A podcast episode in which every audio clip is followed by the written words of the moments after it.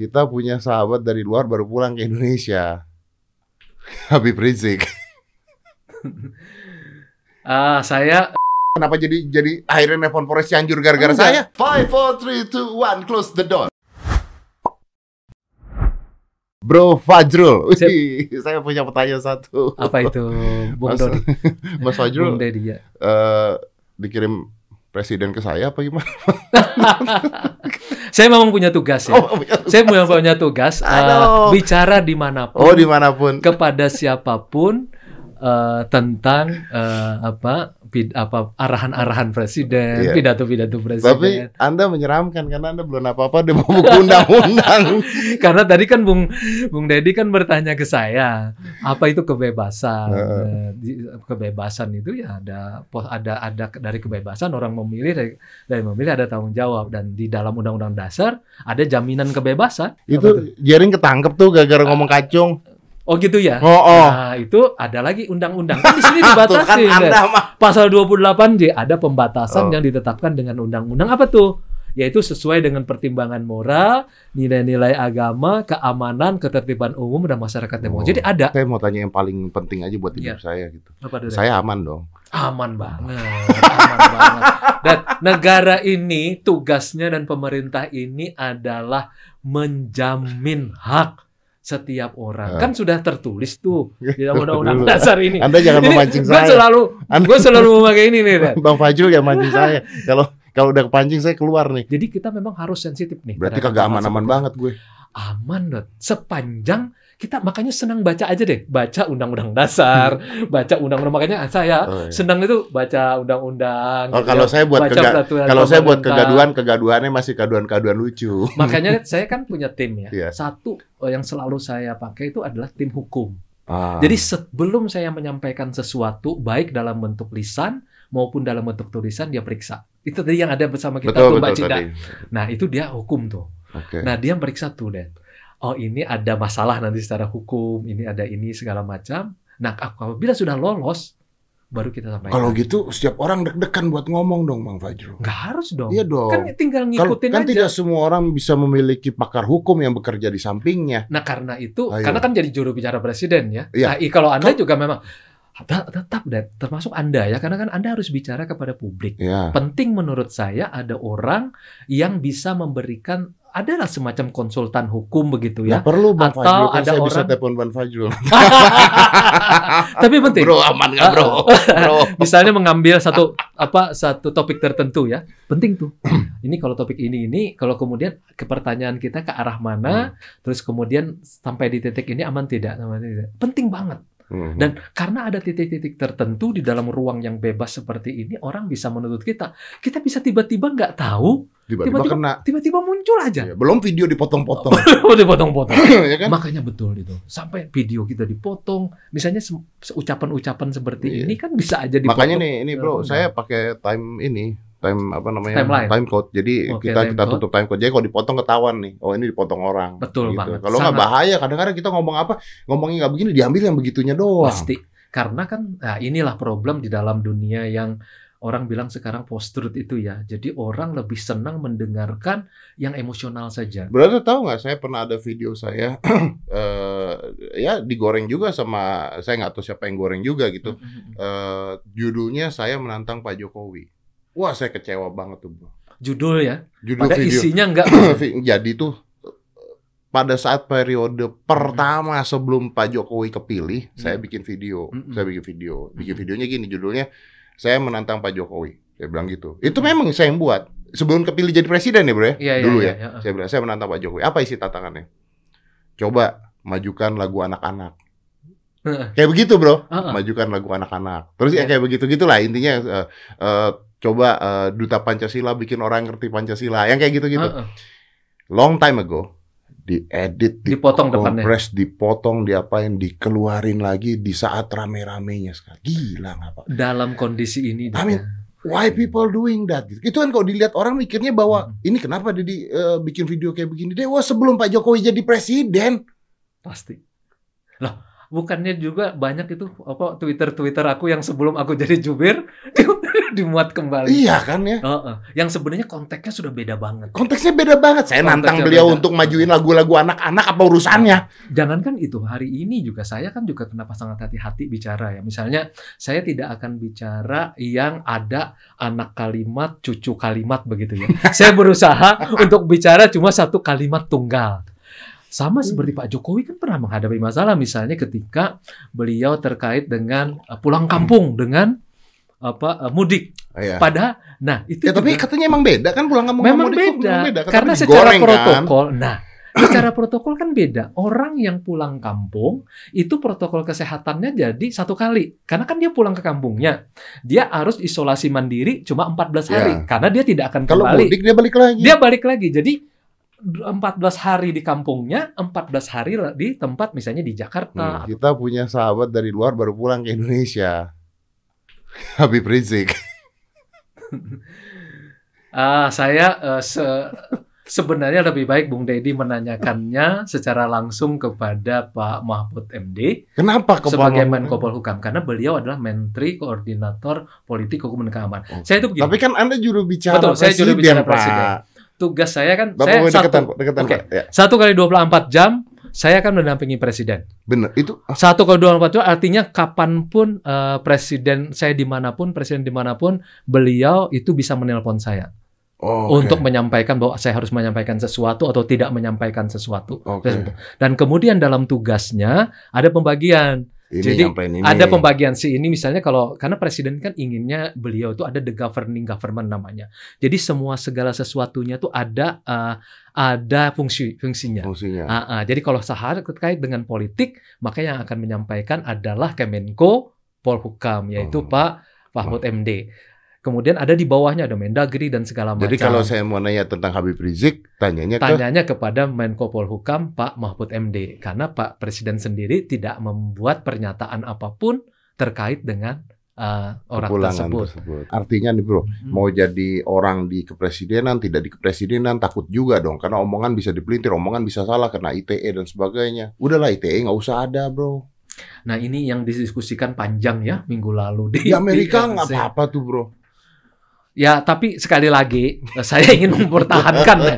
Saya sekali lagi ingin kembali kepada basis uh, berpikir kita, yaitu huk apa bahwa itu hak konstitusional kita membuat apa yang namanya kebebasan menulis secara lisan dan tulisan, menyampaikannya berkumpul segala macam. Bahkan turun ke jalan, makanya saya sering kali mengatakan, Bung Redi, bahwa eh jangan takut ya turun ke jalan, turun aja. Hmm. Kemudian jangan takut menyampaikan pikiran, tapi lihat ada batasannya di dalam undang-undang dasar juga tetap ada batasannya di ITE baca aja makanya saya senang sekali itu mendorong misalnya kayak Bung Dedi uh, dengan teman-teman di sini sebelum menyampaikan sesuatu itu mesti dilihat tuh apakah ini merupakan fitnah pencemaran nama baik atau kemudian apa yang kemungkinan akan bisa jatuh ke dalam problem hukum itu Iya. lebih baik dihindari. Iya. Nah kayak begitu. Jadi tapi sebenarnya kalau kita mengikuti nggak ada masalah sih menurut saya. Tapi kan kalau mengikuti tidak berekspresif, bro. Eks- saya ekspresif sekali. Kayak contohnya, Hmm. kayak misalnya Bung Glenn- Redi s- apa, Iya sih. sangat sangat ekspresif sekali. ada teman-teman yang jadi tetap ada kan hal-hal yang tertentu yang memang Iya, tidak betul. boleh kita eh, lewati ya. Tentu memang ada per- ada perbedaan. Betul. Tapi saya pernah ngobrol dengan Pak Mahfud. Oke, Pak Mahfud mengatakan tidak ada undang-undangnya menghina Hmm. presiden itu ditangkap. itu pernah ter- aku kan pernah ditangkap Anda kan sering ditangkap. tahun di masa Orde Baru. Aku kan kena pasal 154. Heeh. Aku tuh waktu itu masih kuliah di ITB kan, Heeh. jadi pimpinan mahasiswa. Tapi katanya tidak ada undang-undang yang menghina Enggak, presiden ditangkap. waktu itu ada. Waktu itu ada pasal 154. Sekarang udah nggak ada. Itu sudah kemudian di setelah reformasi dicabut. Setelah reformasi dicabut, lalu kemudian undang-undang ITE yang dipakai. Lah, saya nggak ngerti nih, saya nggak, saya nggak percaya. Kalau saya ngatain Pak Jokowi gitu, maaf nih, Mm-mm. maaf ini jadi potong-potong ya, nanti dipotong-potong nih. Bisa saya ngatain Pak Jokowi, Pak Jokowi, wow, kotor deh kata-kata saya deh gitu. Saya ditangkap nggak? Eh, se- apa kita ambil aja kalau apa yang pengalaman yang terakhir so, tidak ada orang yang ditangkap tuh kalau saya lihat kata-kata di dalam Twitter, di dalam Facebook kan banyak sekali Ah. yang seperti itu Ah. kecuali dilaporkan oleh pihak tertentu lah ya. Kalau presiden sendiri tidak ada Kalau presiden tidak langsung. melaporkan, tapi ada orang atau beliau Iya. nyuruh orang laporin kan sama aja Pak. tidak dia, tidak boleh tidak pernah menyuruh orang. Nah, kalau, tapi kalau dilaporin sama orang lain sama orang aja lain dan juga dong, kemudian eh, nanti kan di, pengad- di pengadilan yang menentukan kita kan tidak bisa boleh saja orang melaporkan kan seperti itu tapi kan tetap saja keputusan terakhir kan berada di pengadilan. Artinya Dan bisa aja ditangkap menghina sangat presiden, Pak. mungkin eh tapi penghinaan itu tidak ada lagi di dalam KUHP itu yang penting dicatat nah yang menjadi problem ini memang yang ada di undang-undang ITE nah tetapi ini terjadi kadang-kadang antar di masyarakat yang melaporkan kan antar masyarakat Hmm. biasanya seperti itu yang terjadi bukan langsung dari setahu aku presiden tidak pernah eh, melaporkan eh, semua apa itu pernyataan-pernyataan seperti itu Tapi masyarakat lain boleh melaporkan. masyarakat melaporkan karena mereka menganggap eh, apa mereka menganggap bahwa tindakan itu bisa eh, ber apa me- me- apa ini, menggaduhkan lah gitu. Ya ini kan contohnya misalnya macam. ada relawan pembela Jokowi misalnya begitu. Mereka bisa ngelaporin orang. dong mereka bisa melaporkan karena kan di dalam apa ada sih di dalam undang-undang apa eh, Dan di itu dalam sah undang-undang ITE sepanjang ada yang terkena secara langsung ada yang tidak kan ya Iya, tapi iya, sebagian besar tidak terlalu ini tapi di antara masyarakat sebenarnya umumnya tapi Oke. presiden tidak pernah Nah, eh, Bapak sendiri kan eh, sempat eh, debat dengan eh, Rocky Gerung Ya. yang masalah kebebasan. ya Kalau kita bicara kebebasan. betul. Hmm. Itu saya masih bingung sampai sekarang, Pak. Jadi akhirnya tadi kan Anda mengatakan bebas tapi eh, Mm-mm. begini begini begini Mm-mm. begini. Kalau begitu kan sebenarnya harusnya tidak usah dikatakan bebas, Pak. Harusnya kita harus mengikuti aturan-aturan gitu. Iya, tapi kan undang-undang dasar menyam- menyampaikannya sebagai kebebasan. Sebutkan di sini kan. Saya kan karena kan negeri ini kan memerlukan satu tata aturan, tata negara kan seperti itu. Nah, tata negara kita ini kan dari ideologi Pancasila turun dalam batang tubuh. Mm-mm. Ini ini kan sudah disepakati 18 Agustus Oke. eh, 1945. Iya. Jadi ini yang menjadi dasar dan kemudian di di amandemen lah seperti itu ya, di amandemen. Nah, jadi kita ngikutin aja apa yang saya ngerti. Pak. Terus? saya ngerti. Tapi kalau sekarang saya pertanyaan saya gini, saya balik eh, bertanya sebagai orang awam nih, Pak. Mm-mm. Misalnya saya adalah seorang eh, pewawancara. Ya. Terus saya wawancarain seperti kasusnya eh, Bung eh, Refil Harun, Mm-mm. Anji kemarin dan sebagainya. Mhm. Saya wawancara. Ada yang melaporkan ya. Nah, ada yang melaporkan. Saya wawancara, terus misalnya saya wawancara orang nih. Terus Hmm. orang ini tiba-tiba ngomong yang ngaco, menghinaan dan sebagainya gitulah, Pak ya. Mhm. Saya sebagai seorang wawancara, kalau saya tidak eh, publish, artinya hak bicara dia saya cut. Kalau saya publish, saya kena. Nah, kebebasan kita sebagai Gini aja media deh. ini gimana, Bro? Kita naik tol. Oh. Kita merasa paling bebas kan ya. Wah, karena ini. Tapi biasanya kenapa terjadi kecelakaan? Kan ada pelanggaran, no? Mm-mm. Nah, itu. Jadi Anda merasa bebas, Anda bisa 120, 200 km. Padahal di sana ada tertulis, di jalan tol, jalan ini hanya 80 km per jam. Hmm. Tidak boleh mengambil bahu jalan, Iya. harus pakai ini. Betul. Anda merasa bebas, tapi kemudian ketika terjadi kecelakaan Anda masih kena tuh. Ya, berarti oh, yang- Artinya yang- kan tidak kebebasan dalam pengertian bahwa saya bisa membunuh diri saya. Tapi kalau Anda mau bunuh diri sih, tapi di Indonesia tidak ada juga Iya. anjuran untuk Ta- apa. Tapi artinya saya tadi balik ke tadi Pak, kalau gitu Mhm. orang yang mau wawancara juga berbahaya dong Pak. Enggak, asal pelajari aja apa yang dia wawancara dan kemudian nah makanya memang mesti berhati-hati. Makanya saya mengatakan bahwa Tapi kan itu juga yang Penting. membuat Anda ditangkap dulu Pak. saya ditangkap dulu kan pasal 28 ya. 154 dianggap penghinaan. Ah, Waktu itu di masa Orde Baru kan ada pasal 154. Kalau sekarang kan sudah tidak ada. Oke. Dicabut di masa reformasi. Eh, coba Tia keluarin tadi katanya lu nemuin sesuatu. Apa itu? Ini Tia menemukan sesuatu. Biasanya Tia kalau nemuin sesuatu eh, bahaya Pak. Aduh. Nah, itu tadi. Bokep bisa. ya itu tadi ya kalau tadi di jalan tol misalnya kalau Anda melanggar semuanya umumnya kecelakaan terjadi karena eh, Nah ini menghina. Jokowi tak lulus UGM, pria ini ditangkap polisi. Nah gimana nih Apa Pak? tuh cerita di dalamnya? Kadang-kadang judul nggak sama dengan apa yang disampaikan. Terus Ditangkap polisi karena menyebarkan konten dianggap menghina eh, Pak Jokowi, terus bertambah di Cianjur, Jawa Barat, seorang warga Pasekon Mhm. berurusan dengan polisi. Oke. terus kemudian Terus dia di penjara atau apa enggak Terus nih? nggak tahu nih. Coba Tia ma- naik naik naik Nah, naik. Eh, Endingnya apa? ditangkap mulai dini hari tadi tar pukul 10 tanpa melakukan perlawanan. Kita nggak tahu nih dia eh, diadili terus kemudian apa hasil pengadilannya Oke, ini cerita gimana sih apa Kini dia- ES ditahan di Polres Cianjur untuk pemeriksaan lebih lanjut. kapan ini terjadi? Nah, Kapan dia? ini terjadinya tanggal berapa tuh? Juni 2020. Juni 2020. Berarti ini Pak pakai undang-undang ITE ya? Ini pakai undang-undang ITE kayaknya mungkin. Ini Stan Cianjur.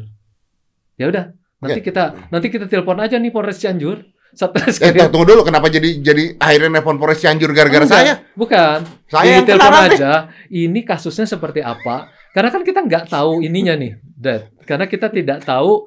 Apa, Tapi nanti uh, saya yang kena dong, Pak. Nggak ada masalah. Enggak, enggak mungkin ada masalah. Enggak gara-gara saya yang ngeluarin ini. Bukan, ini kan hanya. Oh, ini ada beritanya ya? Membacakan. Membacakan. Hanya benar, membacakan. Benar, kan benar. Anda tidak menjadi pelakunya kan. Betul, betul, betul. Dan betul. kita hanya apa mendiskusikannya bahwa ini Uh, jadi kita kalau mengenai kronologis segala macam tentu kita supaya jelas tanya, supaya jelas. Supaya jelas. Karena uh, problem seperti ini kan kadang-kadang kita ditanya sesuatu dan kemudian kita harus menjawab padahal kita belum terlalu clear ya. mengenai ya. Nah, karena berita juga itu kan. Berita kan juga belum tentu jelas juga gitu kan. Belum. Mungkin belum aja tentu. pemeriksaan bisa. Sama, sama. Seperti tadi kan Dedi bilang bahwa ini banyak pernyataan-pernyataan kita juga bisa saja dipotong dan dijadikan sesuatu kan seperti itu. Ya. Tapi buat saya sih sangat sederhana ya. Sepanjang kita tertib saja ya mengikuti undang-undang apa undang-undang gitu kemudian atau peraturan yang lain insya Allah deh kita tidak akan apa tidak akan menghadapi masalah. Kecuali memang ada orang yang memang ingin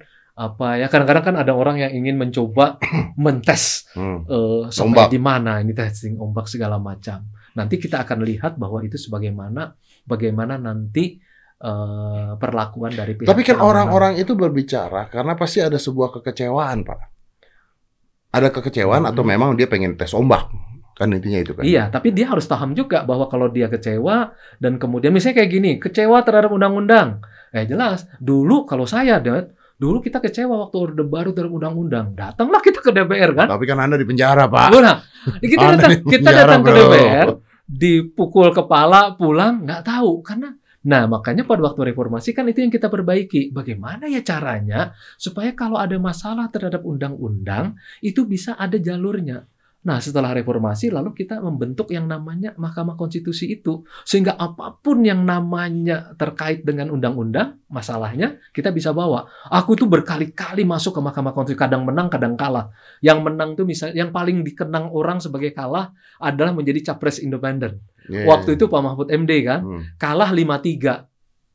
5-3, 5, 5 menolak, 3 mengiyakan. Tapi yang kami menang misalnya pilkada independen Makanya sekarang bupati, gubernur, wali kota itu bisa independen, perseorangan. Itu dimenangkan.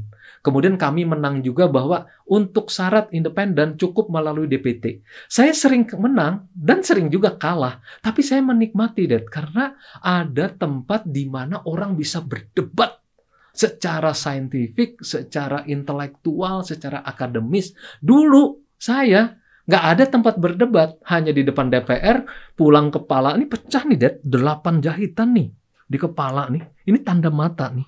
Ya, ya, ya. pulang atau kemungkinan yang lain adalah ditangkap. Tapi Karena perdebatan juga bisa menyebabkan ditangkap juga kan, Pak? Perdebatan. Iya. Sepanjang dong. tidak melang uh, perdebatan biasa kayak begini masih ditangkap perdebatan Kalau Anda debatnya dengan Rocky ILC, Gerung. Eh, saya sering berdebat dengan Rocky Gerung berdua berame-rame kan seperti itu. Nggak ada tuh. Saya sampai bilang kan minggu lalu sama sama Bung Rocky, Anda nggak ditangkap. Turok menyatakan banyak segala hal. Nggak ada masalah. Kecuali memang Nah, itu ada batasan-batasan tertentu. Saya sih menyarankan ini ya sebagai juru bicara presiden, yaitu eh, kena apa seba, apa an, tugas pemerintah itu adalah menjamin. Karena sudah dijamin di dalam Undang-Undang Dasar, kami hanya memproteksi hmm. supaya itu dihormati. Nah, tetapi hmm. sebagaimana dinyatakan Undang-Undang Dasar juga tetap ada batasan ya. Okay.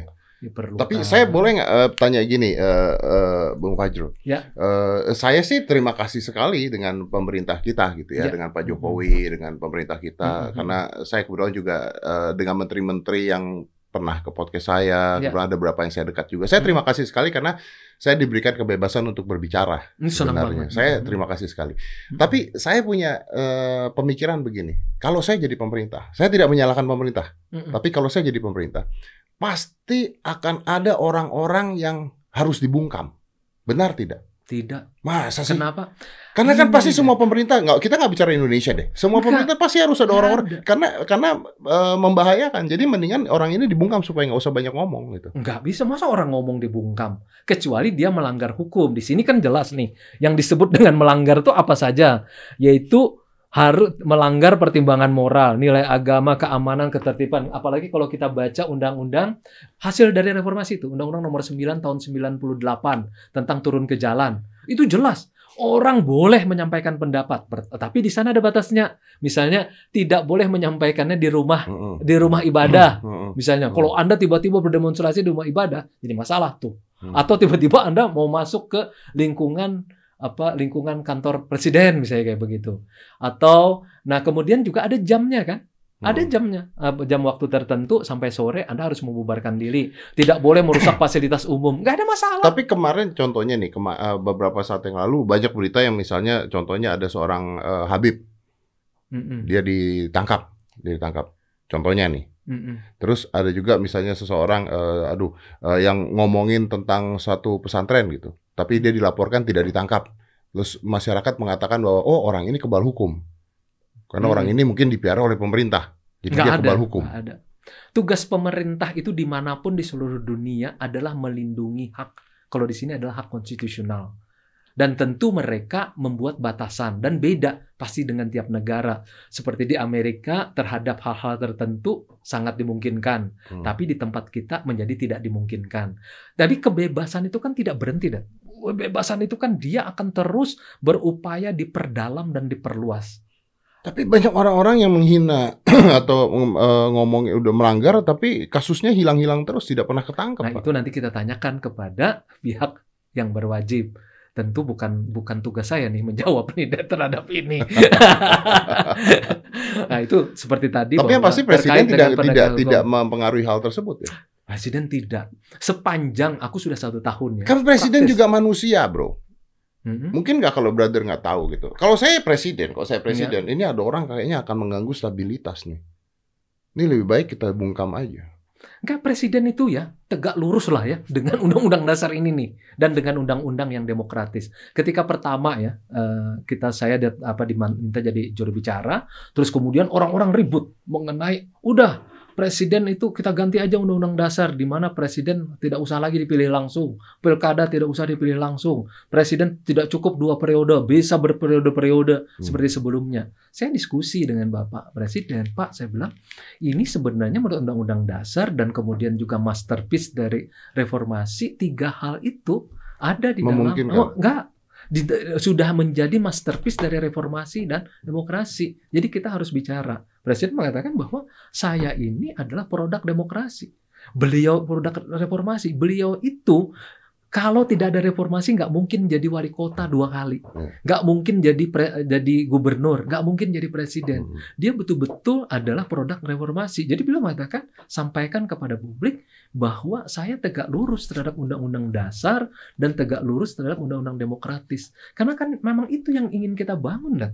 Jadi kita harus dalam ruang demokrasi ini kita membangun lembaga demokrasi, peraturan-peraturan demokrasi termasuk konstitusi dan yang penting juga itu sebenarnya membangun habitus demokrasi itu artinya kebiasaan demokratis itu Kebiasaan harus kita bangun. itu dibangun. Nah, tetap di dalam kebiasaan demokratis itu ada batasan hu- hukum yang mungkin di negara lain jadi Beda. Masalah, di tempat kita beda. Di Singapura coba aja menyampah, Hmm. Oh, jadi kenapa? masalah. Di, Di, sini juga ada undang-undangnya.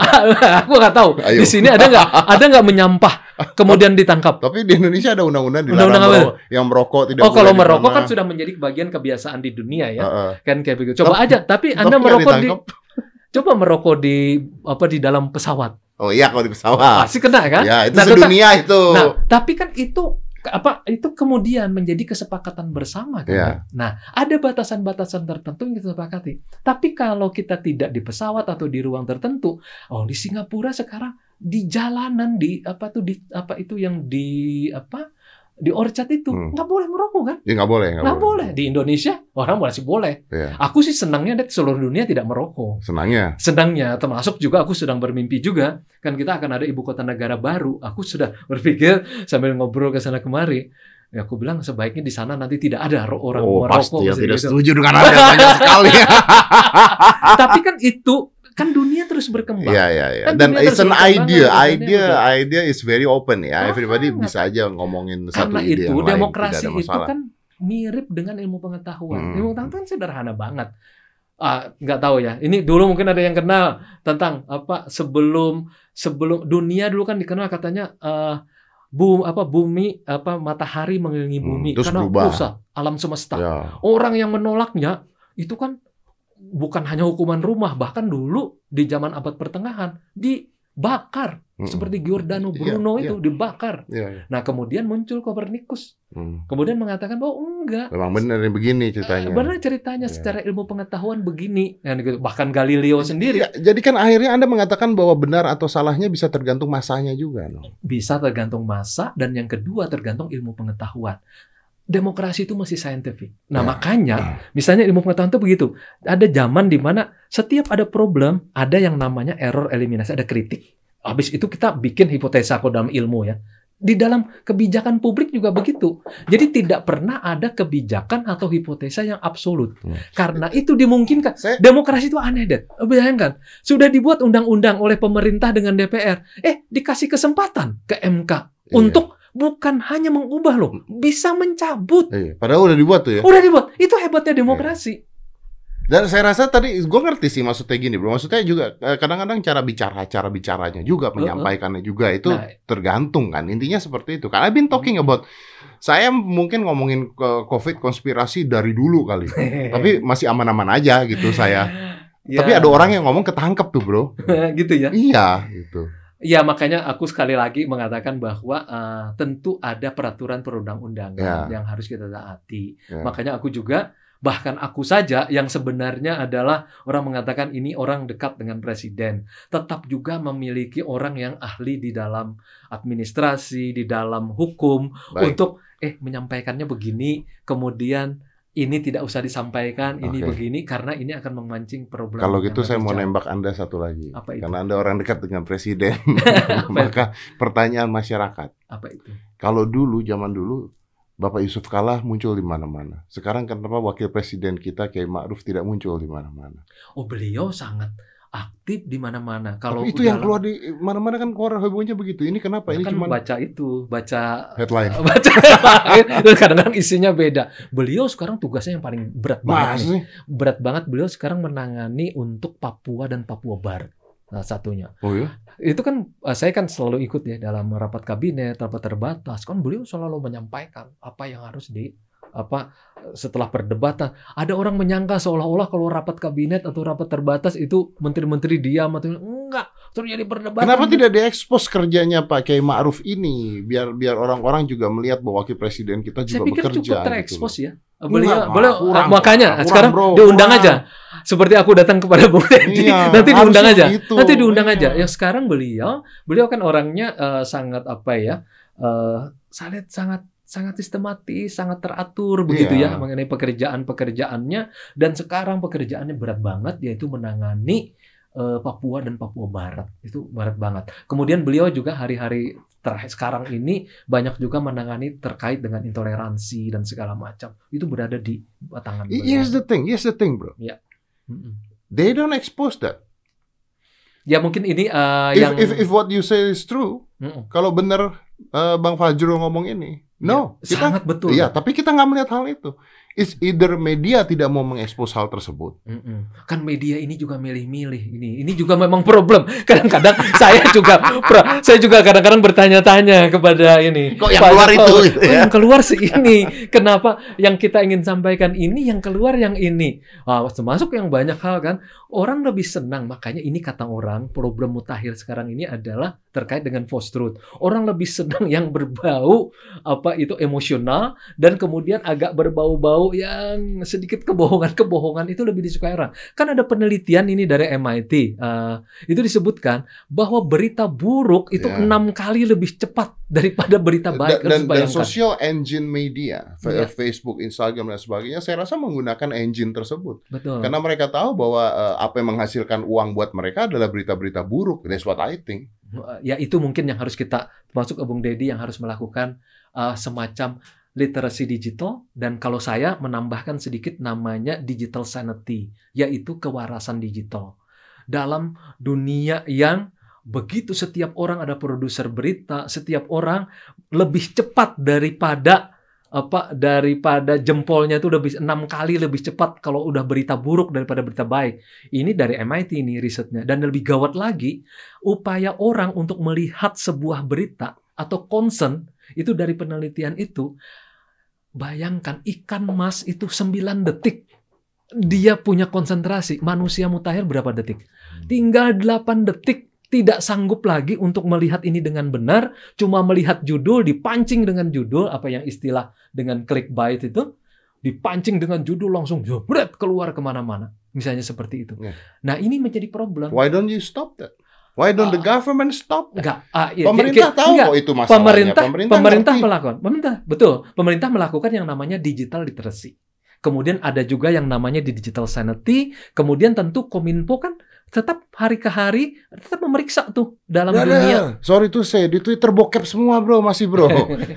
Tapi memang eh, saya sudah sampaikan juga kemarin di acara di mana ada Ah. eh, Bang Karni itu, saya bilang kalau dilihat di sini orang bicara politik sedikit banget. Ah. Ternyata yang Porno. paling banyak pornografi. Oh, ternyata pornografi lebih menarik. pornografi dan yang kedua perjudian Ah, dan itu. yang ketiga adalah penipuan di dunia media sosial dan itu ditangga dihadapi lah apa itu langsung berhadapan Tapi Menkominfo berusaha tidak untuk menyetop hal tersebut. menyetop Menyetop hal tersebut. da- yang ter apa mereka apa bisa men-take down dan kemudian kalau ternyata terkait dengan hukum mereka sampaikan langsung Tapi ke oke, kepolisian. oke. Saya nggak tahu eh, Bang Fajrul Loh, eh, tahu. Anda bisa membaca juga misalnya ada yang facts gitu ya. Itu kadang-kadang dia bekerja sama dengan I know, I media know the check fact yang Ah, ah, ada. Iya, tapi tapi Ah. saya tahu kalau saya buka Twitter sekarang saya bisa nyari porn banyak banget di sana. Wah, Iya. apa yang terjadi? Kenapa why Menkominfo tidak take down itu semua? Ah, undang Pak Menkominfo, tapi yang selalu disampaikan kepada kami adalah bahwa mereka selalu ber, apa selalu siaga untuk men-take down Iya, hal undang tersebut. Pak Pak Juni G. Plate. Joni. Iya, Hmm, bagus banget. Kata Pak Fajrul ya. Ah, Kata Pak Fajrul. Minta-minta Ah, gitu ya. ya betul. Saya saya sekarang mengundang apa ini Ah. sekaligus di sini juga Iya, iya. Pak Joni. Ini asik nih bicara tapi, dengan Bung tapi Deddy. mungkin saya akan ngomong Pak Faj- eh, sama Pak Juni G. Plate gini, Pak, ini kan banyak porno Pak, tolonglah di take down tapi jangan semua lah Pak. Karena kan memang eh, ya itu itu ada pertimbangan. Tapi se- sepaham kami bahwa kami kan setiap hari juga mendapatkan informasi dari Kominfo karena kami kerjasama ya. Karena untuk menganalisis semua berita, kami diberikan analisis yang diberikan oleh Kominfo, Dirjen apa Aptika. Kemudian kami juga eh, bekerja sama dengan beberapa pihak yang lain untuk menganalisis berita dan segala macam supaya kami bisa masuk dengan benar. Ini problem mutakhirnya begini. Se- Tantangan kami sebagai jubir presiden adalah presiden sudah menyatakan sesuatu, tapi kan harus diterima oleh 267 juta orang. Segmentednya itu kan luar biasa, apalagi berhadapan dengan generasi Y dengan Z. Hmm. Gua aja tuh meyakinkan anak gue Hmm. yang baru lulus kuliah itu susahnya minta ampun. Gue bilang ini ya nanti eh, saya gua, nanti aku bicara. Aku bilang saya bicara nanti saya bilang ada di ILC atau di Mata Najwa, tolong dengerin. Hmm. Dia bilang nanti aja deh mau periksa di apa di Oh. internet Oh, aja kayak percayalah gitu. sama saya akan lebih ramai nonton. Jadi jadi Dad, menerjemahkan menjadi pesan yang berbeda, Harus di sini. narasumber berbeda. Nah, kalau ini kan YG nih. Ini YG, ini narasumbernya harus berbeda, pesannya berbeda, kemudian juga audiensnya berbeda. Itu tantangan yang luar biasa. Memang, memang betul, memang betul. Dan, dan ini ini yang jadi masalah eh, Bung Fajrul. Bahwa ini adalah masalah dunia. Sekarang ini sosial media apa pun itu itu udah kayak obat. Kalau kita memerangi narkoba, kita juga harusnya memerangi eh, sosial media. jangan memerangi bahasanya sadis banget. ya. Narkoba kan diperangi. Enggak, yang kita yang kita perang itu adalah misinformasi dan disinformasi, yaitu tindakan yang sengaja atau ada juga yang tidak sengaja tapi membuat apa? No, no, no, no, no. Pak. No, Pak. membuat berita palsu. No, tapi bro. ada juga yang sengaja membuat berita Yes, palsu. tapi Ada. itu kan brother melihat dari satu sisi. Kalau kita Ya. lihat dari sisi pengguna, bro, saya lihat Mhm. dari sisi psikologinya. Orang itu po- posting foto di Instagram, itu kalau jumlah likes-nya dikit aja stres loh, bro. Addictive, that's addictive. It's like a drugs. termasuk orang-orang yang harus sibuk mencari konten itu. ya. Betul, betul. Sibuk nggak cari konten? Eh, kalau saya lumayan udah enggak dulu ya, udah tua sekarang. Udah tua Ya. sekarang. Tapi that's, that's why sekarang kenapa misalnya cewek-cewek yang ada di Instagram atau ada di Twitter atau ada di TikTok, kenapa belahannya makin turun terus? Karena jumlah likes-nya makin banyak, bro. Kalau jumlah likes-nya dikit, dia Nah, turunin lagi. That's the whole idea, kan? Ini jawaban normatif ini nanti saya periksa ya. Eh, saya belum sempat memeriksanya karena kan katanya kalau jubir harus memeriksa Oh, iya, betul, betul. mengenai kebenaran Betul, berita betul. itu. Betul. Karena kan betul. ini bahaya juga karena Dedi kan dari tadi gue lihat ini kayak Karni Ilyas kayak Najwa Enggak juga. dong. Ini kayak bisa Tapi kan ini? saya tidak nyodok. saya santai. cuma dengan cara yang berbeda. saya santai.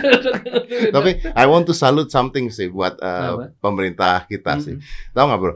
Saya nggak tahu nih saya salah nggak ngomong kayak begini, tapi Mhm. uh, this is what I want to say sih gini. Saya tuh dari dulu khawatir ketika COVID menyerang Ya. uh, di Indonesia yang saya khawatirkan adalah riot, Oke. riot. Mhm. Karena saya tahu bahwa masyarakat Indonesia ini lapar Oke. dan ketika lapar ini lupakanlah ngomongin hukum, lupakanlah ngomongin agama, perut Mhm. dulu harus diisi. Itu itu yang biasanya terjadi. Iya, iya. Saya juga tahu ada BLT, bantuan dari pemerintah. Tapi saya juga tahu bahwa kadang-kadang BLT nggak nyampe. Mm-mm. One or other case lah. Saya tidak mau bahas itu. Mm-mm. Nah, Gimana caranya pemerintah bisa membuat bangsa ini nggak jadi riot ya? eh di awal kan kita kan sebenarnya mengurusin COVID ini Pak Jokowi itu kan sejak tanggal kit- eh, rapat pertama itu dilakukan ketika kita sudah mendengarkan bahwa sekitar tanggal 20 Desember 2019 itu terjadi di Wuhan. Hmm. Itu apa setelah kejadian itu sudah mulai ada rapat eh, apa semacam rapat terbatas membicarakan ini kemungkinan-kemungkinannya dan segala Hmm. macam sampai kemudian kita mengambil keputusan menjemput 238 yang di Hmm. Wuhan.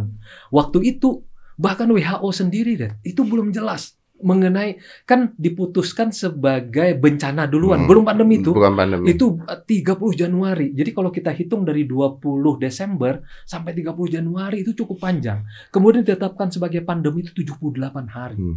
WHO organisasi yang kerjanya itu tiap hari ngeliatin virus segala macam baru ngambil keputusan itu 78 hari. Ya mereka juga belum ya makanya Mereka masih yakin masih segala bulak balik macam, bulak balik. bolak-balik. Nanti masker nggak usah. Nah, masker nah, di awal Ah, nggak masker nggak usah. Ah, Baru kemudian nyatakan ya, terus kemudian lockdown. ah. Di awal dia tiba-tiba Pak Jokowi mengambil keputusan kan tidak lockdown. Berat itu. Kebetulan kita ngambil yang PSBB. Saya itu berkali-kali dat- datang yang ke namanya ke tempatnya TV One ke ini ke itu hanya untuk menjelaskan kenapa pemerintah mengambil hal tersebut. Pemerintah sederhana sih sebenarnya presiden mengatakan bahwa eh yang namanya usaha di kita itu ya UMKM. Nah, kemarin katanya di sini ada menteri kan Hmm. ada Menteri Tenaga Kerja. Indonesia itu struktur ekonomi kita kan luar biasa apa 99,99 persen itu bekerja di UMKM. 60 juta unit usaha itu ada di UMKM Jadi masih bisa survive ya. dan ada 116 juta orang yang bekerja di sana. Jadi di Indonesia ini struktur apa usaha dan struktur pekerjaannya itu memang masih timpang Ya. masih timpang. 99% usahanya itu adalah usaha mikro, kecil, dan menengah. Ini masih kategori UMKM nih kayaknya. UMKM. Masih UMKM. Dan yang satu persen itu usaha besar. Jadi jangan berpikir lalu semuanya seperti di Tamrin, Sudirman, sama Kuningan kan. Hmm. Itu hanya satu persen. Hmm. 97 persen bekerja di UMKM. Ini itu kekuatannya Indonesia berarti. ada di sana. Nah, itu yang dipikirkan presiden pertama. Kalau kita tutup, yang. Pertama terkena mereka akan terkena. Beda dengan 98. 98 itu mereka yang menyelamatkan ekonomi. Kenapa? Karena yang runtuh, yang satu persen itu, Hmm. yang usaha besar itu runtuh, penyelamatnya UMKM. Dan yang sekarang ini, kalau kita tutup kemarin, yang terkena pertama itu mereka. Makanya kita lakukan PSBB. Ini yang ini yang terjadi di Singapura karena Singapura tidak ada UMKM. Oh ya, kalau yang namanya apa yang apa tempat mereka berjualan itu apa? Yang kecil-kecil itu. Oh iya iya sih. Ya, Eh, tapi kan itu beli Pak barangnya, Pak. Sebagian besar eh, itu kan masuk dalam kategori eh, usaha menengah ya, Ya. kecil dan menengah. They di import mereka. that things saya rasa. Oh, sih. oh. Saya kemarin baru nonton tuh bahwa mereka mengimpor makanan 90%. Iya, makanya Jadi, kan gila kan. Isu, saya kemarin nonton CNE punyanya. Iya. Jarang-jarang saya nonton TV-nya Singapura. Tapi pas di situ dikatakan uh, bagaimana sebuah negara memberi makan pada apa rakyatnya. Wih, gila Singapura 90% impor. Iya. Yang namanya ketahanan pangan nggak ada. Yang Yes. namanya kaki lima di Singapura kan itu lah. Dan negara memberikan. Nah sama seperti di Indonesia kan. Presiden misalnya terakhir misalnya untuk UMKM bantuan modal kerja produktif itu yang 12 juta penerima mikro itu itu kan yang 2,4 juta rupiah gerak itu kan apa alang Hmm, hmm, tidak hmm, hmm. itu langsung sebagai bantuan Hmm, presiden. hmm. Itu bagian upaya untuk mempertahankan supaya mereka dapat Ya, i- modal. Itulah yang amazed karena akhirnya Indonesia kok tidak rakyat. Saya juga bingung. 40 persen eh, itu So yang will ditanggung survive. delapan dan, dan bulan. sebenarnya kalau menurut saya pak ya, eh, menurut saya loh ya ini saya pribadi Hmm. ya, menurut saya, at the end of the day kita harusnya sadar bahwa pandemi ini tidak menyeramkan menyeramkan banget kok. Tidak seperti yang kita prediksikan dulu pak. Loh dulu kan yang diprediksikan kan nyimpen makanan, Makan makanan, makanan susah. yang di awal, waktu Ya, di awal. Bener nggak pak? Waktu di awal. Tapi ya, kan- saya lihat banyak orang melakukan Wah, hal-hal ya, gitu. tisu habis, Ah, apa habis. Ah, ah. Kan sekarang kita sudah ke masa di mana eh, this is not too bad. Ini nggak terlalu menyeramkan. This is different dengan zaman dulu ada Dan aduh, 98. eh, ya 98 juga. 98. Saya termasuk, saya kan anak saya baru lahir dan Nah, saya termasuk yang memborong susu. nah ya kan bener kan? Saya Karena anak kedua saya lahir, lalu kemudian anak pertama ini baru berusia 7 bulan, belum mau tidak mau lagi minum susu ibunya. betul, betul, betul. Terpaksalah saya waktu itu memborong dan Betul. Saya juga sempat apakah saya harus stok makanan beku? Saya sempat stok makanan beku. Kita karena kita takut kan. betul. Tapi begitu jalan sampai sekarang saya merasa bahwa ya ini memang penyakit, ada Hmm. virusnya, tapi we need to sorry, we need to fucking survive and we survive gitu loh. So this is not not really matter you know, at all gitu loh, Pak. Ya memang eh inilah mungkin itu mem- tapi kan yang namanya krisis ya memang begitu. Dia di- menghantam kita secara tiba-tiba, dia kemudian bisa menghantam apa banyak sekali elemen-elemen di masyarakat, kemudian kita harus mengambil keputusan secara cepat kan. Itu kan ciri-ciri krisis. Hmm.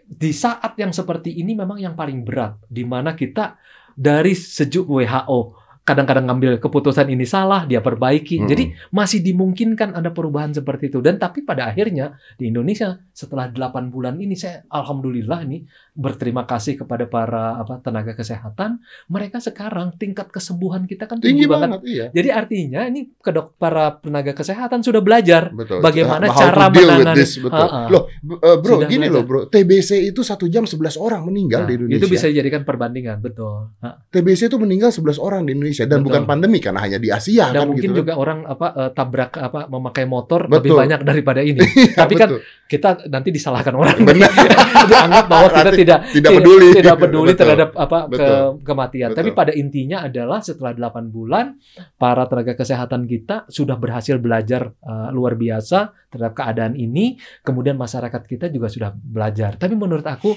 salah satu penyelamat dari pertanyaan tadi Bung Dedi yang di awal kenapa tidak ada rakyat itu karena kita mengambil PSBB. Kan PSBB itu konsepnya adalah pembatasan pergerakan saja. Pembatasan pergerakan orang dan barang. Kalau lockdown itu kan itu adalah meng- apa, menghentikan pergerakan. Kalau ini kan boleh untuk hal-hal tertentu diperbolehkan. Berarti kalau pada satu di, di lockdown UMKM habis semua habis, bisa Akan rakyat, riot. akan Ah, rakyat. Sangat mungkin itu terjadi Oh. riot.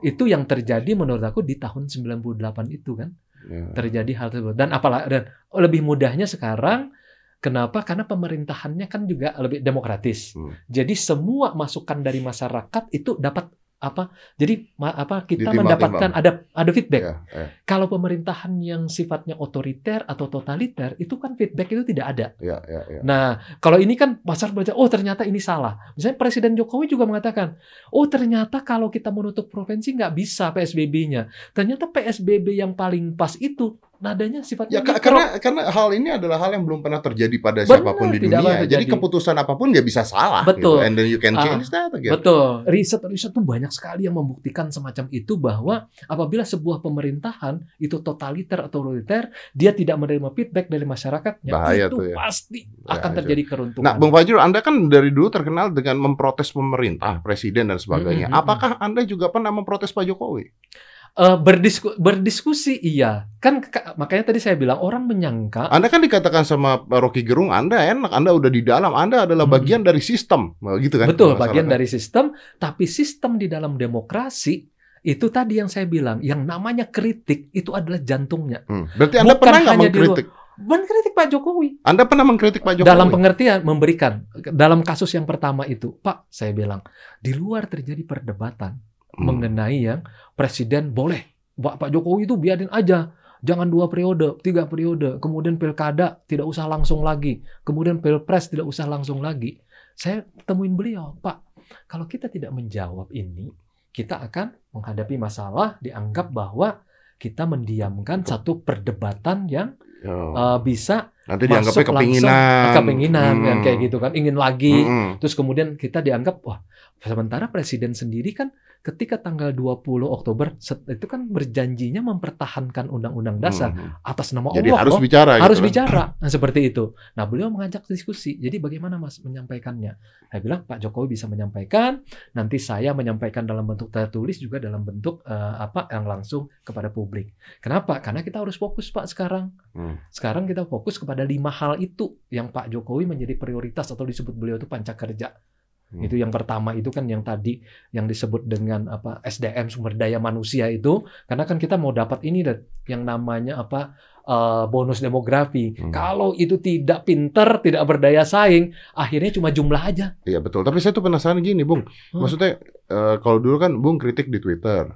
Kalau sekarang bisa langsung ke kritik ke presiden. Lebih enak kan? Pak nggak bisa begini Pak. Ini salah Wah, Anda. gitu. tinggal menyampaikan Oh, kan iya. beda. Beliau kan sambil tertawa sih. Biasanya tuh sambil ngobrol, Mas, apa Mas yang kayak kayak gini? Saya, saya nyampaikan. Makanya saya bilang yang paling gugup tuh sebenarnya bukan diskusi dengan presiden. Hmm. Kalau ada telepon, itu yang paling gugup. Oh, iya. Waduh, ini ada yang salah. Jangan-jangan Oh, iya, iya, iya. Nah itu. Tapi kalau dipanggil begitu ya, kemudian diajak diskusi tentang sesuatu, saya kadang-kadang juga misalnya saya harus apa? Oh ini kayaknya presiden harus menyampaikan. Kemudian ini eh, presiden tampaknya bi- harus bertemu dengan pihak ini begitulah ya. Saya kami kan eh, apa diberi eh, kebebasan se- eh, sebebas mungkin untuk memberikan saran-saran kepada presiden juga di samping menyampaikan apa yang disampaikan oleh presiden. Di dalam rapat, Dad, itu menteri-menteri itu saling berdebat. Presiden itu seperti moderator saja. iya, benar. Beliau begitu, lalu kemudian di akhir beliau mengatakan, "Oh, oke, sekarang kita ambil keputusan." Diambil keputusan. Nah, itu beliau itu selain pemimpin manusiawi organisasi. Hmm. Setelah keputusan diambil, kita patuh. Jadi menurut Anda Jokowi itu presiden yang apa, Pak? Beliau, beliau presiden yang eh, apa ya, the govern, the apa waktu the apa ya, the governing president, presiden yang memerintah, the governing president. Nanti Anda bilang gini katanya Anda menjilat gitu. ya itu ya, Iya kan? itu selalu pernyataan itu ya. Tapi gampang kok, Det. Aku tuh satu kali 24 jam dihantam di semua media sosial aku. Udah capek. Satu, nggak apa-apa. Tapi aku nggak pernah mengadukan juga. Oh iya, iya. Kan di sana ada fitur blok, gue blok aja. Semua semua sumpah serapah tentang kebun binatang itu satu kali 24 jam. Makanya aku sampaikan kepada Rocky kan, bro, lu ngapain ngurusin yang namanya bot-bot itu ya? Yang gampang aja kalau tiba-tiba ada nama di belakangnya ada iya, tuh delapan angka, bohong semua itu. ada delapan Iya. angka ya kan? Oh. Kemudian ada ini, eh baru lahir menetas dua hari yang lalu iya. misalnya kayak begitu kan? Tapi kan Rocky mengatakan pemerintah juga punya buzzer, Enggak, bukan buzzer. bukan ya? pemerintah ini sebenarnya gini konteks lagi nih Ah. konteks dalam dunia digital yang namanya SMI yaitu social media influencer itu sama seperti Dedi ini. Ini adalah social media influencer. Eh, 67% sekarang pekerjaan social media influencer itu bukan hobi lagi. Udah jadi profesi udah jadi di profesi, dunia. Betul, betul, betul. betul. dan orang seperti Dedi katanya. Katanya. katanya kalau ada nilainya kan? Aku sebut saja lah katanya kalau Raffi Ahmad supaya dengan Na- Nagita itu dapat 5 miliar per bulan. Katanya. Ah, Dedi mungkin kurang lebih lah. 7 lah. 7 miliar per bulan. Kan Waduh, profesi gila. Itu sosial blade nah tetapi Bohong. karena dia takut juga. Kenapa? Nanti ditanya sama tukang pajak kan? Udah Pak, udah ya? Udah. ditanya. Dan benar berapa, gitu lah Kena ya? 3,4 M. Wih, keren banget Keren, keren. keren banget. Artinya Dedi lah yang membangun republik ini. Wow. Ya begitu. Itu Oh, iya, biasa. iya. Dan Makasih loh. di saat ini kita harus menghimbau bahwa semuanya. Saya juga kan kena juga kan kayak Oh iya, gitu. iya. Jadi bayangkan orang Nah, kami juga memanfaatkan karena untuk menyampaikan misalnya terkait dengan apa 3M aja, memakai masker, menjaga eh, mencuci tangan, Menjaga menjaga, jarak. jarak. Itu kami mengundang tuh para Hmm. influencer. Ah, saya mau protes bentar. Nah itu, tapi oke nanti Ya. kita mengundang juga Hmm. mereka untuk ikut membantu. Kenapa? Karena kan komunikasi itu kan sederhana, Det. Ada narasumber, Ya. ada pesan, ada channel atau media, ada audiens. Ya. Aku ini mau dipaksa segimanapun mau menjadi youtuber, nggak akan masuk lihat. Ya, ya. Anakku aja tertawa. Aduh, kamu ngapain main-main jadi tapi- youtuber nggak bisa. Anak Bang Fajrul pasti bahagia, pasti senang bapaknya ada di sini. Ada nanti aku kasih tahu karena mereka kelompok YG. Iya, YG ini luar biasa apa itu. Jadi nah itu. Jadi misalnya tiba-tiba aku kan punya TikTok. Pernah dimarahin apa ada pihak-pihak tertentu yang Bang bilang, punya TikTok. aku punya TikTok. Anda alay sekali. Anda, anda main aku TikTok. ya, aku pertama ya aku buka TikTok. Ada yang bilang, wah katanya masa Juber jadi itu. Ada ada yang menulis dan ada yang menulis serius. Wah tidak pantas Pak Jurul Rahman punya TikTok. Salah itu orang. Itu salah segala macam. Karena apa pun itu itu adalah sebuah media, Pak, yang bisa Benar, digunakan sebagai benar. media. Dan sekarang, Gitu. Sekarang Iya. kementerian dan lembaga Punya TikTok. Setelah aku punya TikTok, aku yang pertama yang aku pakai itu I, yang I naik. think we need to yang- use that kan, Pak. Benar. Iya kan? Nah, cuma dat aku memang memakai itu, tapi kan aku tidak bisa membuat pesan gaya TikTok. Aduh, Anda nggak yang Aku- begini Nggak begini, bisa. begini, kan? aku ya cuma naik yang kendaraan motor itu aja, kemudian pakai yang kayak begitu, dimarahin sedunia dot. Dianggap, oh Pak Jero itu nggak cocok jadi jubir. Pak, yang cocok itu dia nggak pantas. Yang Pak masa orang jadi, aduh saya bilang ini dunia baru. Tapi tetap kami juga harus berkesimpulan.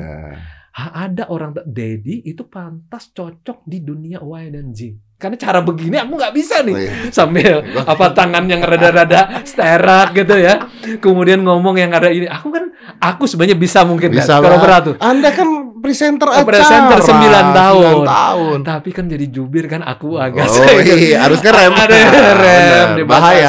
Bahaya, bahaya bener bahaya. Nah, kayak Pak Jokowi itu kan di NA-nya kan di NA de- apa eh, belusukan. Hmm. Dia kan kalau bicara dengan publik dan sayang sekali memang di masa pandemi kan Hmm. beliau nggak bisa turun. Jadi nggak bisa turun, Ah, ah. betul. Nah itu influencer-influencer itu diundang untuk meminta bantuan. Nah, bentar, saya mau Tapi tanya. mereka tidak dibayar, Dad. Ah, saya mau tanya dulu. mereka tidak dibayar. Tidak dibayar. Tidak Tapi dibayar. kan ada dananya untuk influencer. Nah, itu Ayo. yang kemudian salah paham. Yang digunakan oleh Pak Wisnu Tama. Nah, undang. Kali lagi, Pak undang Wisnu Utama Nanti diminta datang sini. oleh Pak Fajrul. Karena beliau itu memanfaatkan influencer untuk keperluan apa? Branding dan awareness untuk para wisman. Itu kenaikannya luar biasa dan Dan itu bagus loh Kan sebenarnya. bagus lah. Bisa bayangkan untuk mencapai yang namanya wisman Ya. itu, itu luar biasa. Ya, betul. Jadi, nah, aku kemarin ngomong di Perhumas. Aku agak marah juga sama Perhumas nih, Perhubung apa ini yang apa PR ini. Aku bilang saatnya kalian mengubah kode etik. Jangan sinis dan kemudian juga jangan marah terhadap influencer. benar. Mereka itu Yang ada membantu. dan nyata. And it works. Ah, It dan works. itu sudah jadi profesi. Betul, it works. Jangan aku bilang, nah terhadap yang kalau buzzer, nah itu jadi masalah. Nah, Karena itu yang angka 00 yang itu baru lahir lagi, kemarin beda, sore lain. Beda, beda. Nah, influencer ini kalau nah ini ada teori ya. Hmm. Dulu kan disebutnya key opinion leader kan Mm-mm. di zaman sebelum Iya, digital. Betul, betul, betul. Nah, sekarang disebutnya SMI, Apa itu? social media influencer. Oh. Kalau dulu namanya call key opinion leader, tapi sebenarnya perilakunya sama, aja. Yang ini di dunia di apa analog, Iya, yang iya. dunia one way ini di dunia digital menjadi dunia two ways kan? Iya, sama aja. Sekarang yang yang laku bukan yang banyak juga, Det. Yang disebut nano influencer. Iya, kan yang iya. cuma seribu orang itu. itu laku, Pak. Kenapa? Karena engagementnya tuh gila. Iya. Karena mereka berdebat kan. Oh, betul. Aku di Twitter punya satu juta. Hmm. Nggak sempat lah aku diskusi dengan banyak Iya. orang. Tapi orang yang punya hanya apa follower seribu, dia diskusi. Jadi Yang- tontonan. Jadi tontonan. Dan itu makanya sekarang kan yang namanya engagement rate itu yang lebih bagus, bukan jumlah. Kan ada yang disebut nano. Nah ini yang paling bagus. Loh, ini nano, mikro. Nomor satu ini, Pak. Nah, alhamdulillah. Dan saya juga ingin apa? nggak boleh yang promosikan ya. Ingin mengatakan stay fokus, stay positive. Saya mau protes. Apa itu? Kenapa influencer-influencer itu diundang Pak Jokowi? Kenapa saya tidak pernah diundang Pak Jokowi ke istana? Hmm, Nah itu nanti saya akan saya akan apa, menanyakan kepada Pak Pak Wisnu Tama karena Pak Wisnu Tama juga salah satu yang eh, menentukan Oh. siapa yang akan datang. Nanti diundang aja Pak Wisnu Tama. Tapi saya tidak mau kalau ke istana rame-rame dengan influencer lain. Oh begitu ya. Mm. Pada dasarnya kan juga aku kan menjadi ketika aku berada di dunia media atau kita ini kan sebenarnya ini kan dunia di mana kita berkomunikasi. Setiap orang yang memiliki pengaruh, dia kan influencer Ya, betul. sebenarnya. Betul. Nah, cuma soal bahwa dia influencer di radio. Nah, ini kalau dia Enggak, di kalau kemarin itu Pak, kan Kan. banyak artis-artis diundang ke istana Mm-mm. gitu. Saya nggak diundang dan nggak mau juga Pak diundang Oke, Pak waktu gitu itu. ya? Nggak mau. Kenapa nggak mau Pak? Nah, saya bisa jawab Pak. Oke, jawab sekarang. Saya balik aja. Sekarang gue jadi presenter. Karena kalau saya ke sana Pak, yang Ya. saya lihat itu ke sana terus tiba-tiba foto berdua sama Pak Jokowi, udah Oke. terus sudah taruh di Instagram, nggak ada gunanya Pak. Oh, berarti model pesannya ya. Iya. Oke, baik, baik. Maksudnya buat saya ngapain saya ke istana foto sama Pak Jokowi? Bukan tanpa ma- ma- maksudnya menghina Oke, apa pun ya maksudnya. baik, Tapi kan baik. Nggak meaningful. Yang meaningful adalah kalau kita bisa bicara, kita bisa siarkan itu, kita bisa ini, masyarakat mendengar. Oke. gitu. That's powerful gitu. Dan Pak. pernah beliau lakukan tapi waktu di masa sebelumnya ya. Kayaknya mana Najwa pernah terakhir kan yang Ah, ah. pulang kampung. Iya, aduh itu benar-benar. Tapi aku sampai protes sama Najwa loh itu. Oh ya. Aku bilang Najwa, sebenarnya kan presiden, kamu kamu langsung menghantam itu. Aku bilang sebenarnya kan beliau ingin lagi menjelaskan bahwa protokol kesehatan yang berbeda. Tapi kamu sudah seperti itu gitu ya. Aku sering protes juga tuh. Kadang-kadang aku juga gak mau datang. Ke Nana, tanya deh sama Nana. Wah, udah, Pak Ajru gak mau datang. Oke, gua datang. Tapi kamu jangan begini ya. Gitu. Karni juga. Jadi Karni aku juga. punya kesempatan seperti itu. Tapi maksud aku orang-orang seperti kita yang aktif di dalam sebagai influencer ya di dalam dunia komunikasi baru, di dalam yang namanya dunia digital penting banget sih Yeah, because we menurut have aku. an impact. We have an Ah, impact. ah, yeah. Dan kita harus sadar kan di dalam film apa itu Spider-Man kan juga begitu tuh disebutnya With great kalau- power comes great responsibility. Nah. Betul. mantap kan? Mantap. Mantap. Nah itu juga dengan kebebasanmu, kamu juga memiliki tanggung jawab. Betul. Gak mungkin aku sekarang kan gebukin Daddy misalnya seperti itu, hanya karena bertanya atau segala Iya, macam. betul, betul. Karena aku tahu sekali menyentuh ini Iya. bahaya. Enggak, karena saya lebih gede, Pak. bahaya. Aku kalau melihat steretnya kan ngeri. Atau masuk ke dalam pekarangan rumahnya Dedi. Aku tahu ini properti milik orang. Masuk Ada nggak masalah. aturan-aturannya. Ada aturannya. Iya, betul. Jangan berharap gue bebas nih. Gue terserah gue mau masuk ke rumah Dedi hari ini juga. Tiba-tiba nggak bisa karena ada. Iya. Nah, jadi Kalau saya gitu. mengatakan dari dulu begini, Pak, bukan bebas tapi eh, bertanggung jawab. Saya selalu mengatakan dulu nih, bebas tapi mikir. bebas ya nggak bagus. Iya. Bebas atau Dan mikir lah, ini ini Ah. efeknya ke mana, ini larinya ke mana, ini ke mana. Ah. Makanya pada saat saya dulu saya ngomong eh, balik lagi nih, saya sempat ngomong konspirasi, tapi saya ngomongnya sama dokter Betul. Berarti ke- dengan expert. dengan expert. Jadi ya Expert udah bicara. debat aja Debat gitu. aja. Jadi itu semacam memperdalam betul, pemahaman Betul. supaya publiknya juga kan lebih paham. Betul. Nah, jangan menggunakan kebebasan. Saya kayak gini, tiba-tiba di dalam bioskop penuh bioskopnya ya. Tiba-tiba teriak atas nama kebebasan. Kebakaran, kebakaran, Iya. kebakaran. Orang lari mati. Ya, Dan apakah itu kebebasan? Enggak. ya, ya, ya, Dan tetap dituntut tanggung jawab. ya, Pak. ya. Ada aturan Ada aturannya. Nah, itu tapi kita setiap hari bisa memperluas kebebasan. Oke. Dulu yang di zaman Orde Baru, zamannya gue ditangkap tuh tiga tahun, dibuang ke Nusa Kambangan deh. Lu belum pernah Nusa Kambangan kan? Ya, jangan dong. Anda kok Jadi- nyum- Anda kok nyumpain gitu. Saya kan tidak bikin masalah. Kamu kan ada steret Ah. gini. Gue tuh kalau dulu kan ada dulu di bus kota tuh, Ah. Jakarta zamannya bus Iya, kota lah kan. Tiba-tiba datang. Saya ini baru Oh iya, keluar iya, dari betul, betul, betul. saya keluar dari penjara Cipinang. Eh, butuh Makan. makan. Untuk makan itu. Orang pada takut Iya, bener, bener. Padahal gue udah pikir gue berdiri aja mestinya ya. Saudara-saudara, saya ini dari narap apa narapidana dari Nusa Kambangan. Dapat tuh. Dapat tuh, Dapat. Enam, tempat ya? Bro, enam pindah- tempat pindah-pindah. Pindah-pindah enam tempat. Pindah-pindah. Satu tahun yang paling berat. Di mana? Kenapa? Di penjara militer. Tidur di lantai. Satu tahun tidur di lantai di semen. Iya. Di atas koran. Dan di atas koran eh, waktu itu ganti-ganti sih antara pikiran rakyat dan kompas. Nggak apa-apa. Orang kompas seneng nih. Tapi ngomong-ngomong penjara ya bro ya, ngomong penjara Iya. ya, eh, roba dikit. Penjara kita sekarang juga udah nggak layak bro. Nah, aku nggak pernah masuk lagi sih dat ini. Iya, saya sempat ngobrol sama Pak Yasona. Saya berarti saya masuk kan 89 sampai Iya. 92 waktu di Nusa Kambangan. Waduh. Katanya Pak Yasona, penjara sekarang tuh udah kepenuhan Pak. Oh gitu juga. Oh, oh. Mungkin yang kriminal ya. Ke- Karena- narkoba. Yang narkoba Oh. kriminal. Karena kalau politik itu udah dapat keuntungan kalau di penjara. Nah iya makanya. Dia ruangannya luas. Kami dulu ada ruangan khusus. Aku aja di sana berkebun, Dat.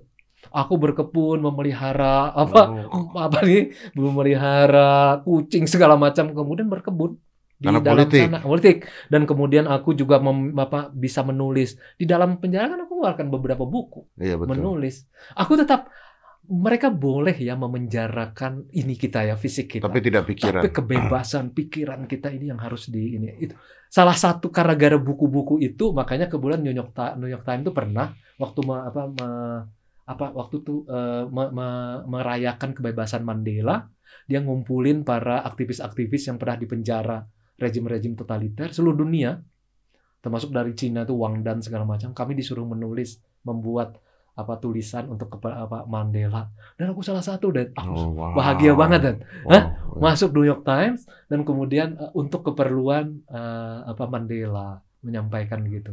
Jadi apa sih yang menarik di dalam penjara kita bisa mengetes ruang kebebasan kita dan mereka menyempitkan kita di dalam uh, fisik tetapi kita bisa meluaskan Hmm. Diri di dalam pikiran. Talk Aku about that. menulis novel, menulis buku, menulis Come to talk about that. semuanya. Mm. Itu kan sebenarnya saat ini kita lagi diuji, Pak. Iya. Dengan adanya PSBB, dengan adanya pandemi. Semua- Ini kan kita di penjara. Betul. Setidak secara langsung Betul. di penjara. Nah, apakah kita masih bisa menggunakan akal waras kita, kreativitas kita untuk tetap Dan hidup apa alhamdulillah krisis itu ada dua wajahnya. Nah, di Betul. bahasa Cina kan? tidak? Iya, betul. Yang satu Ying bahaya, satu yang, yang ya. satu peluang. betul sekali. Bahada Bisa bahaya kita waspada terhadap peluang kita Ya. apa kita eksploitir. That's why in every pandemic ada orang kaya orang kaya baru biasanya. Makanya ini sekarang yang, yang paling kaya ini kelihatannya pabrik obat.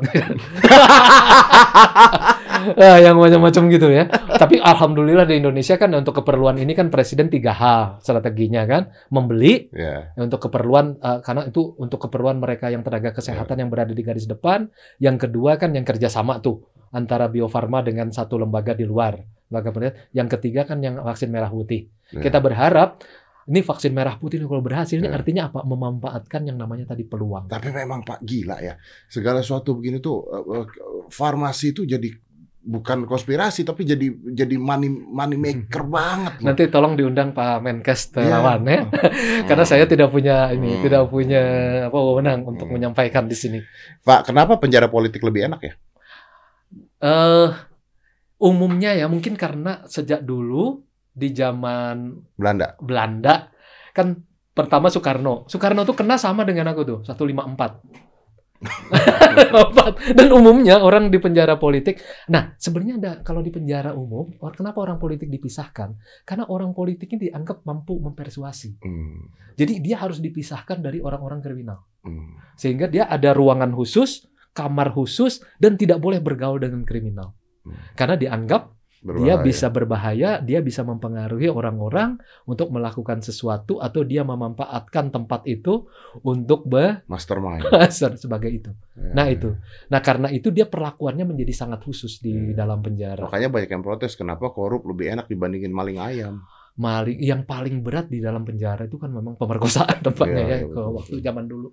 Nah tapi kan kalau penjara juga eh, kalau yang korup eh, sekarang kan luar biasa nih. Aku alhamdulillah benar baru dalam kasus Jiwasraya gila di masa Pak Jokowi enam orang terdakwa langsung apa eh, hukuman seumur hidup. Karena kan memang tidak boleh hukuman mati ya. Hmm. karena harus hukuman seumur hidup. Iya, enam orang secara langsung. Dan itu menurut aku sesuatu banget. Breakthrough ya. Ah, ah, Seperti sebuah terobosan. Dan mudah-mudahan dengan jalan ini pengembalian kepada apa mereka nasabah-nasabahnya bisa menjadi lebih lancar. Oke gini lah Den, buat aku Pak Jokowi itu dia tegak lurus terhadap Undang-Undang Dasar 45, dia tegak lurus terhadap demokrasi, dia tegak lurus terhadap reformasi. Itu yang aku hadapi dan dia ingin mewariskan di 2024 itu lebih Hal-hal baik tersebut. hal-hal tersebut. Oh, Jadi itu yang penting banget. Satu lagi yang ingin diwariskan Dan ibu Apa? kota negara Ibu Yang kota baru. negara, yang baru. Oh, Heeh. mantap, mantap. Itu yang Nggak apa-apa lah. Jakarta jadi kota bisnis aja udah. Nah, jadi aku menyarankan nanti lebih baik dari jalan-jalan ini ke Penajam, Kalimantan Timur. Hmm. Coba datang ke sana, lihat-lihat tanahnya yang mana yang penting, Oh, supaya gitu. kita bisa bikin ini bikin juga. gini betul, Ah, ah. betul, betul. Apa namanya? Saya di, tunggu undangannya, Pak. Ah, Saya tunggu iya undangannya. betul di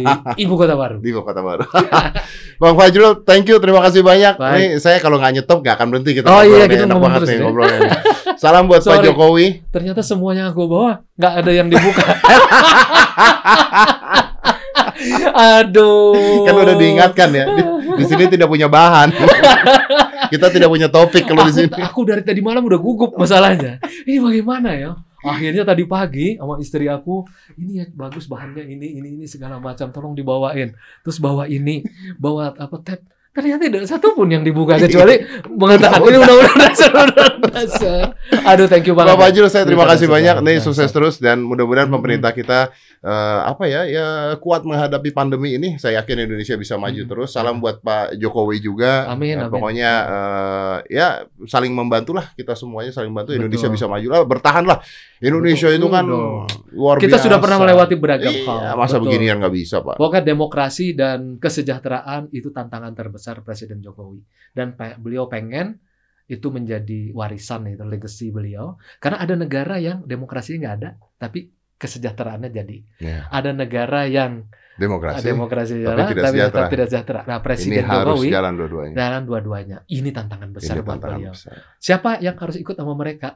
Yang paling besar itu adalah yang akan di bonus demografi tadi, generasi Y, milenial, Iya, dan generasi Z yang mendengarkan Yang ini mendengarkan sekarang ini. ini sekarang. Kalau nggak ada Dedi, saya nggak didengerin. Saya cuma bicara kepada generasi baby boomer dan generasi X yang Oh, saya dengerin, eh, Z dengerin. Saya 13 sampai 17 tahun nih Pak denger Pak. karena yang membawakan acaranya kan baby boomer.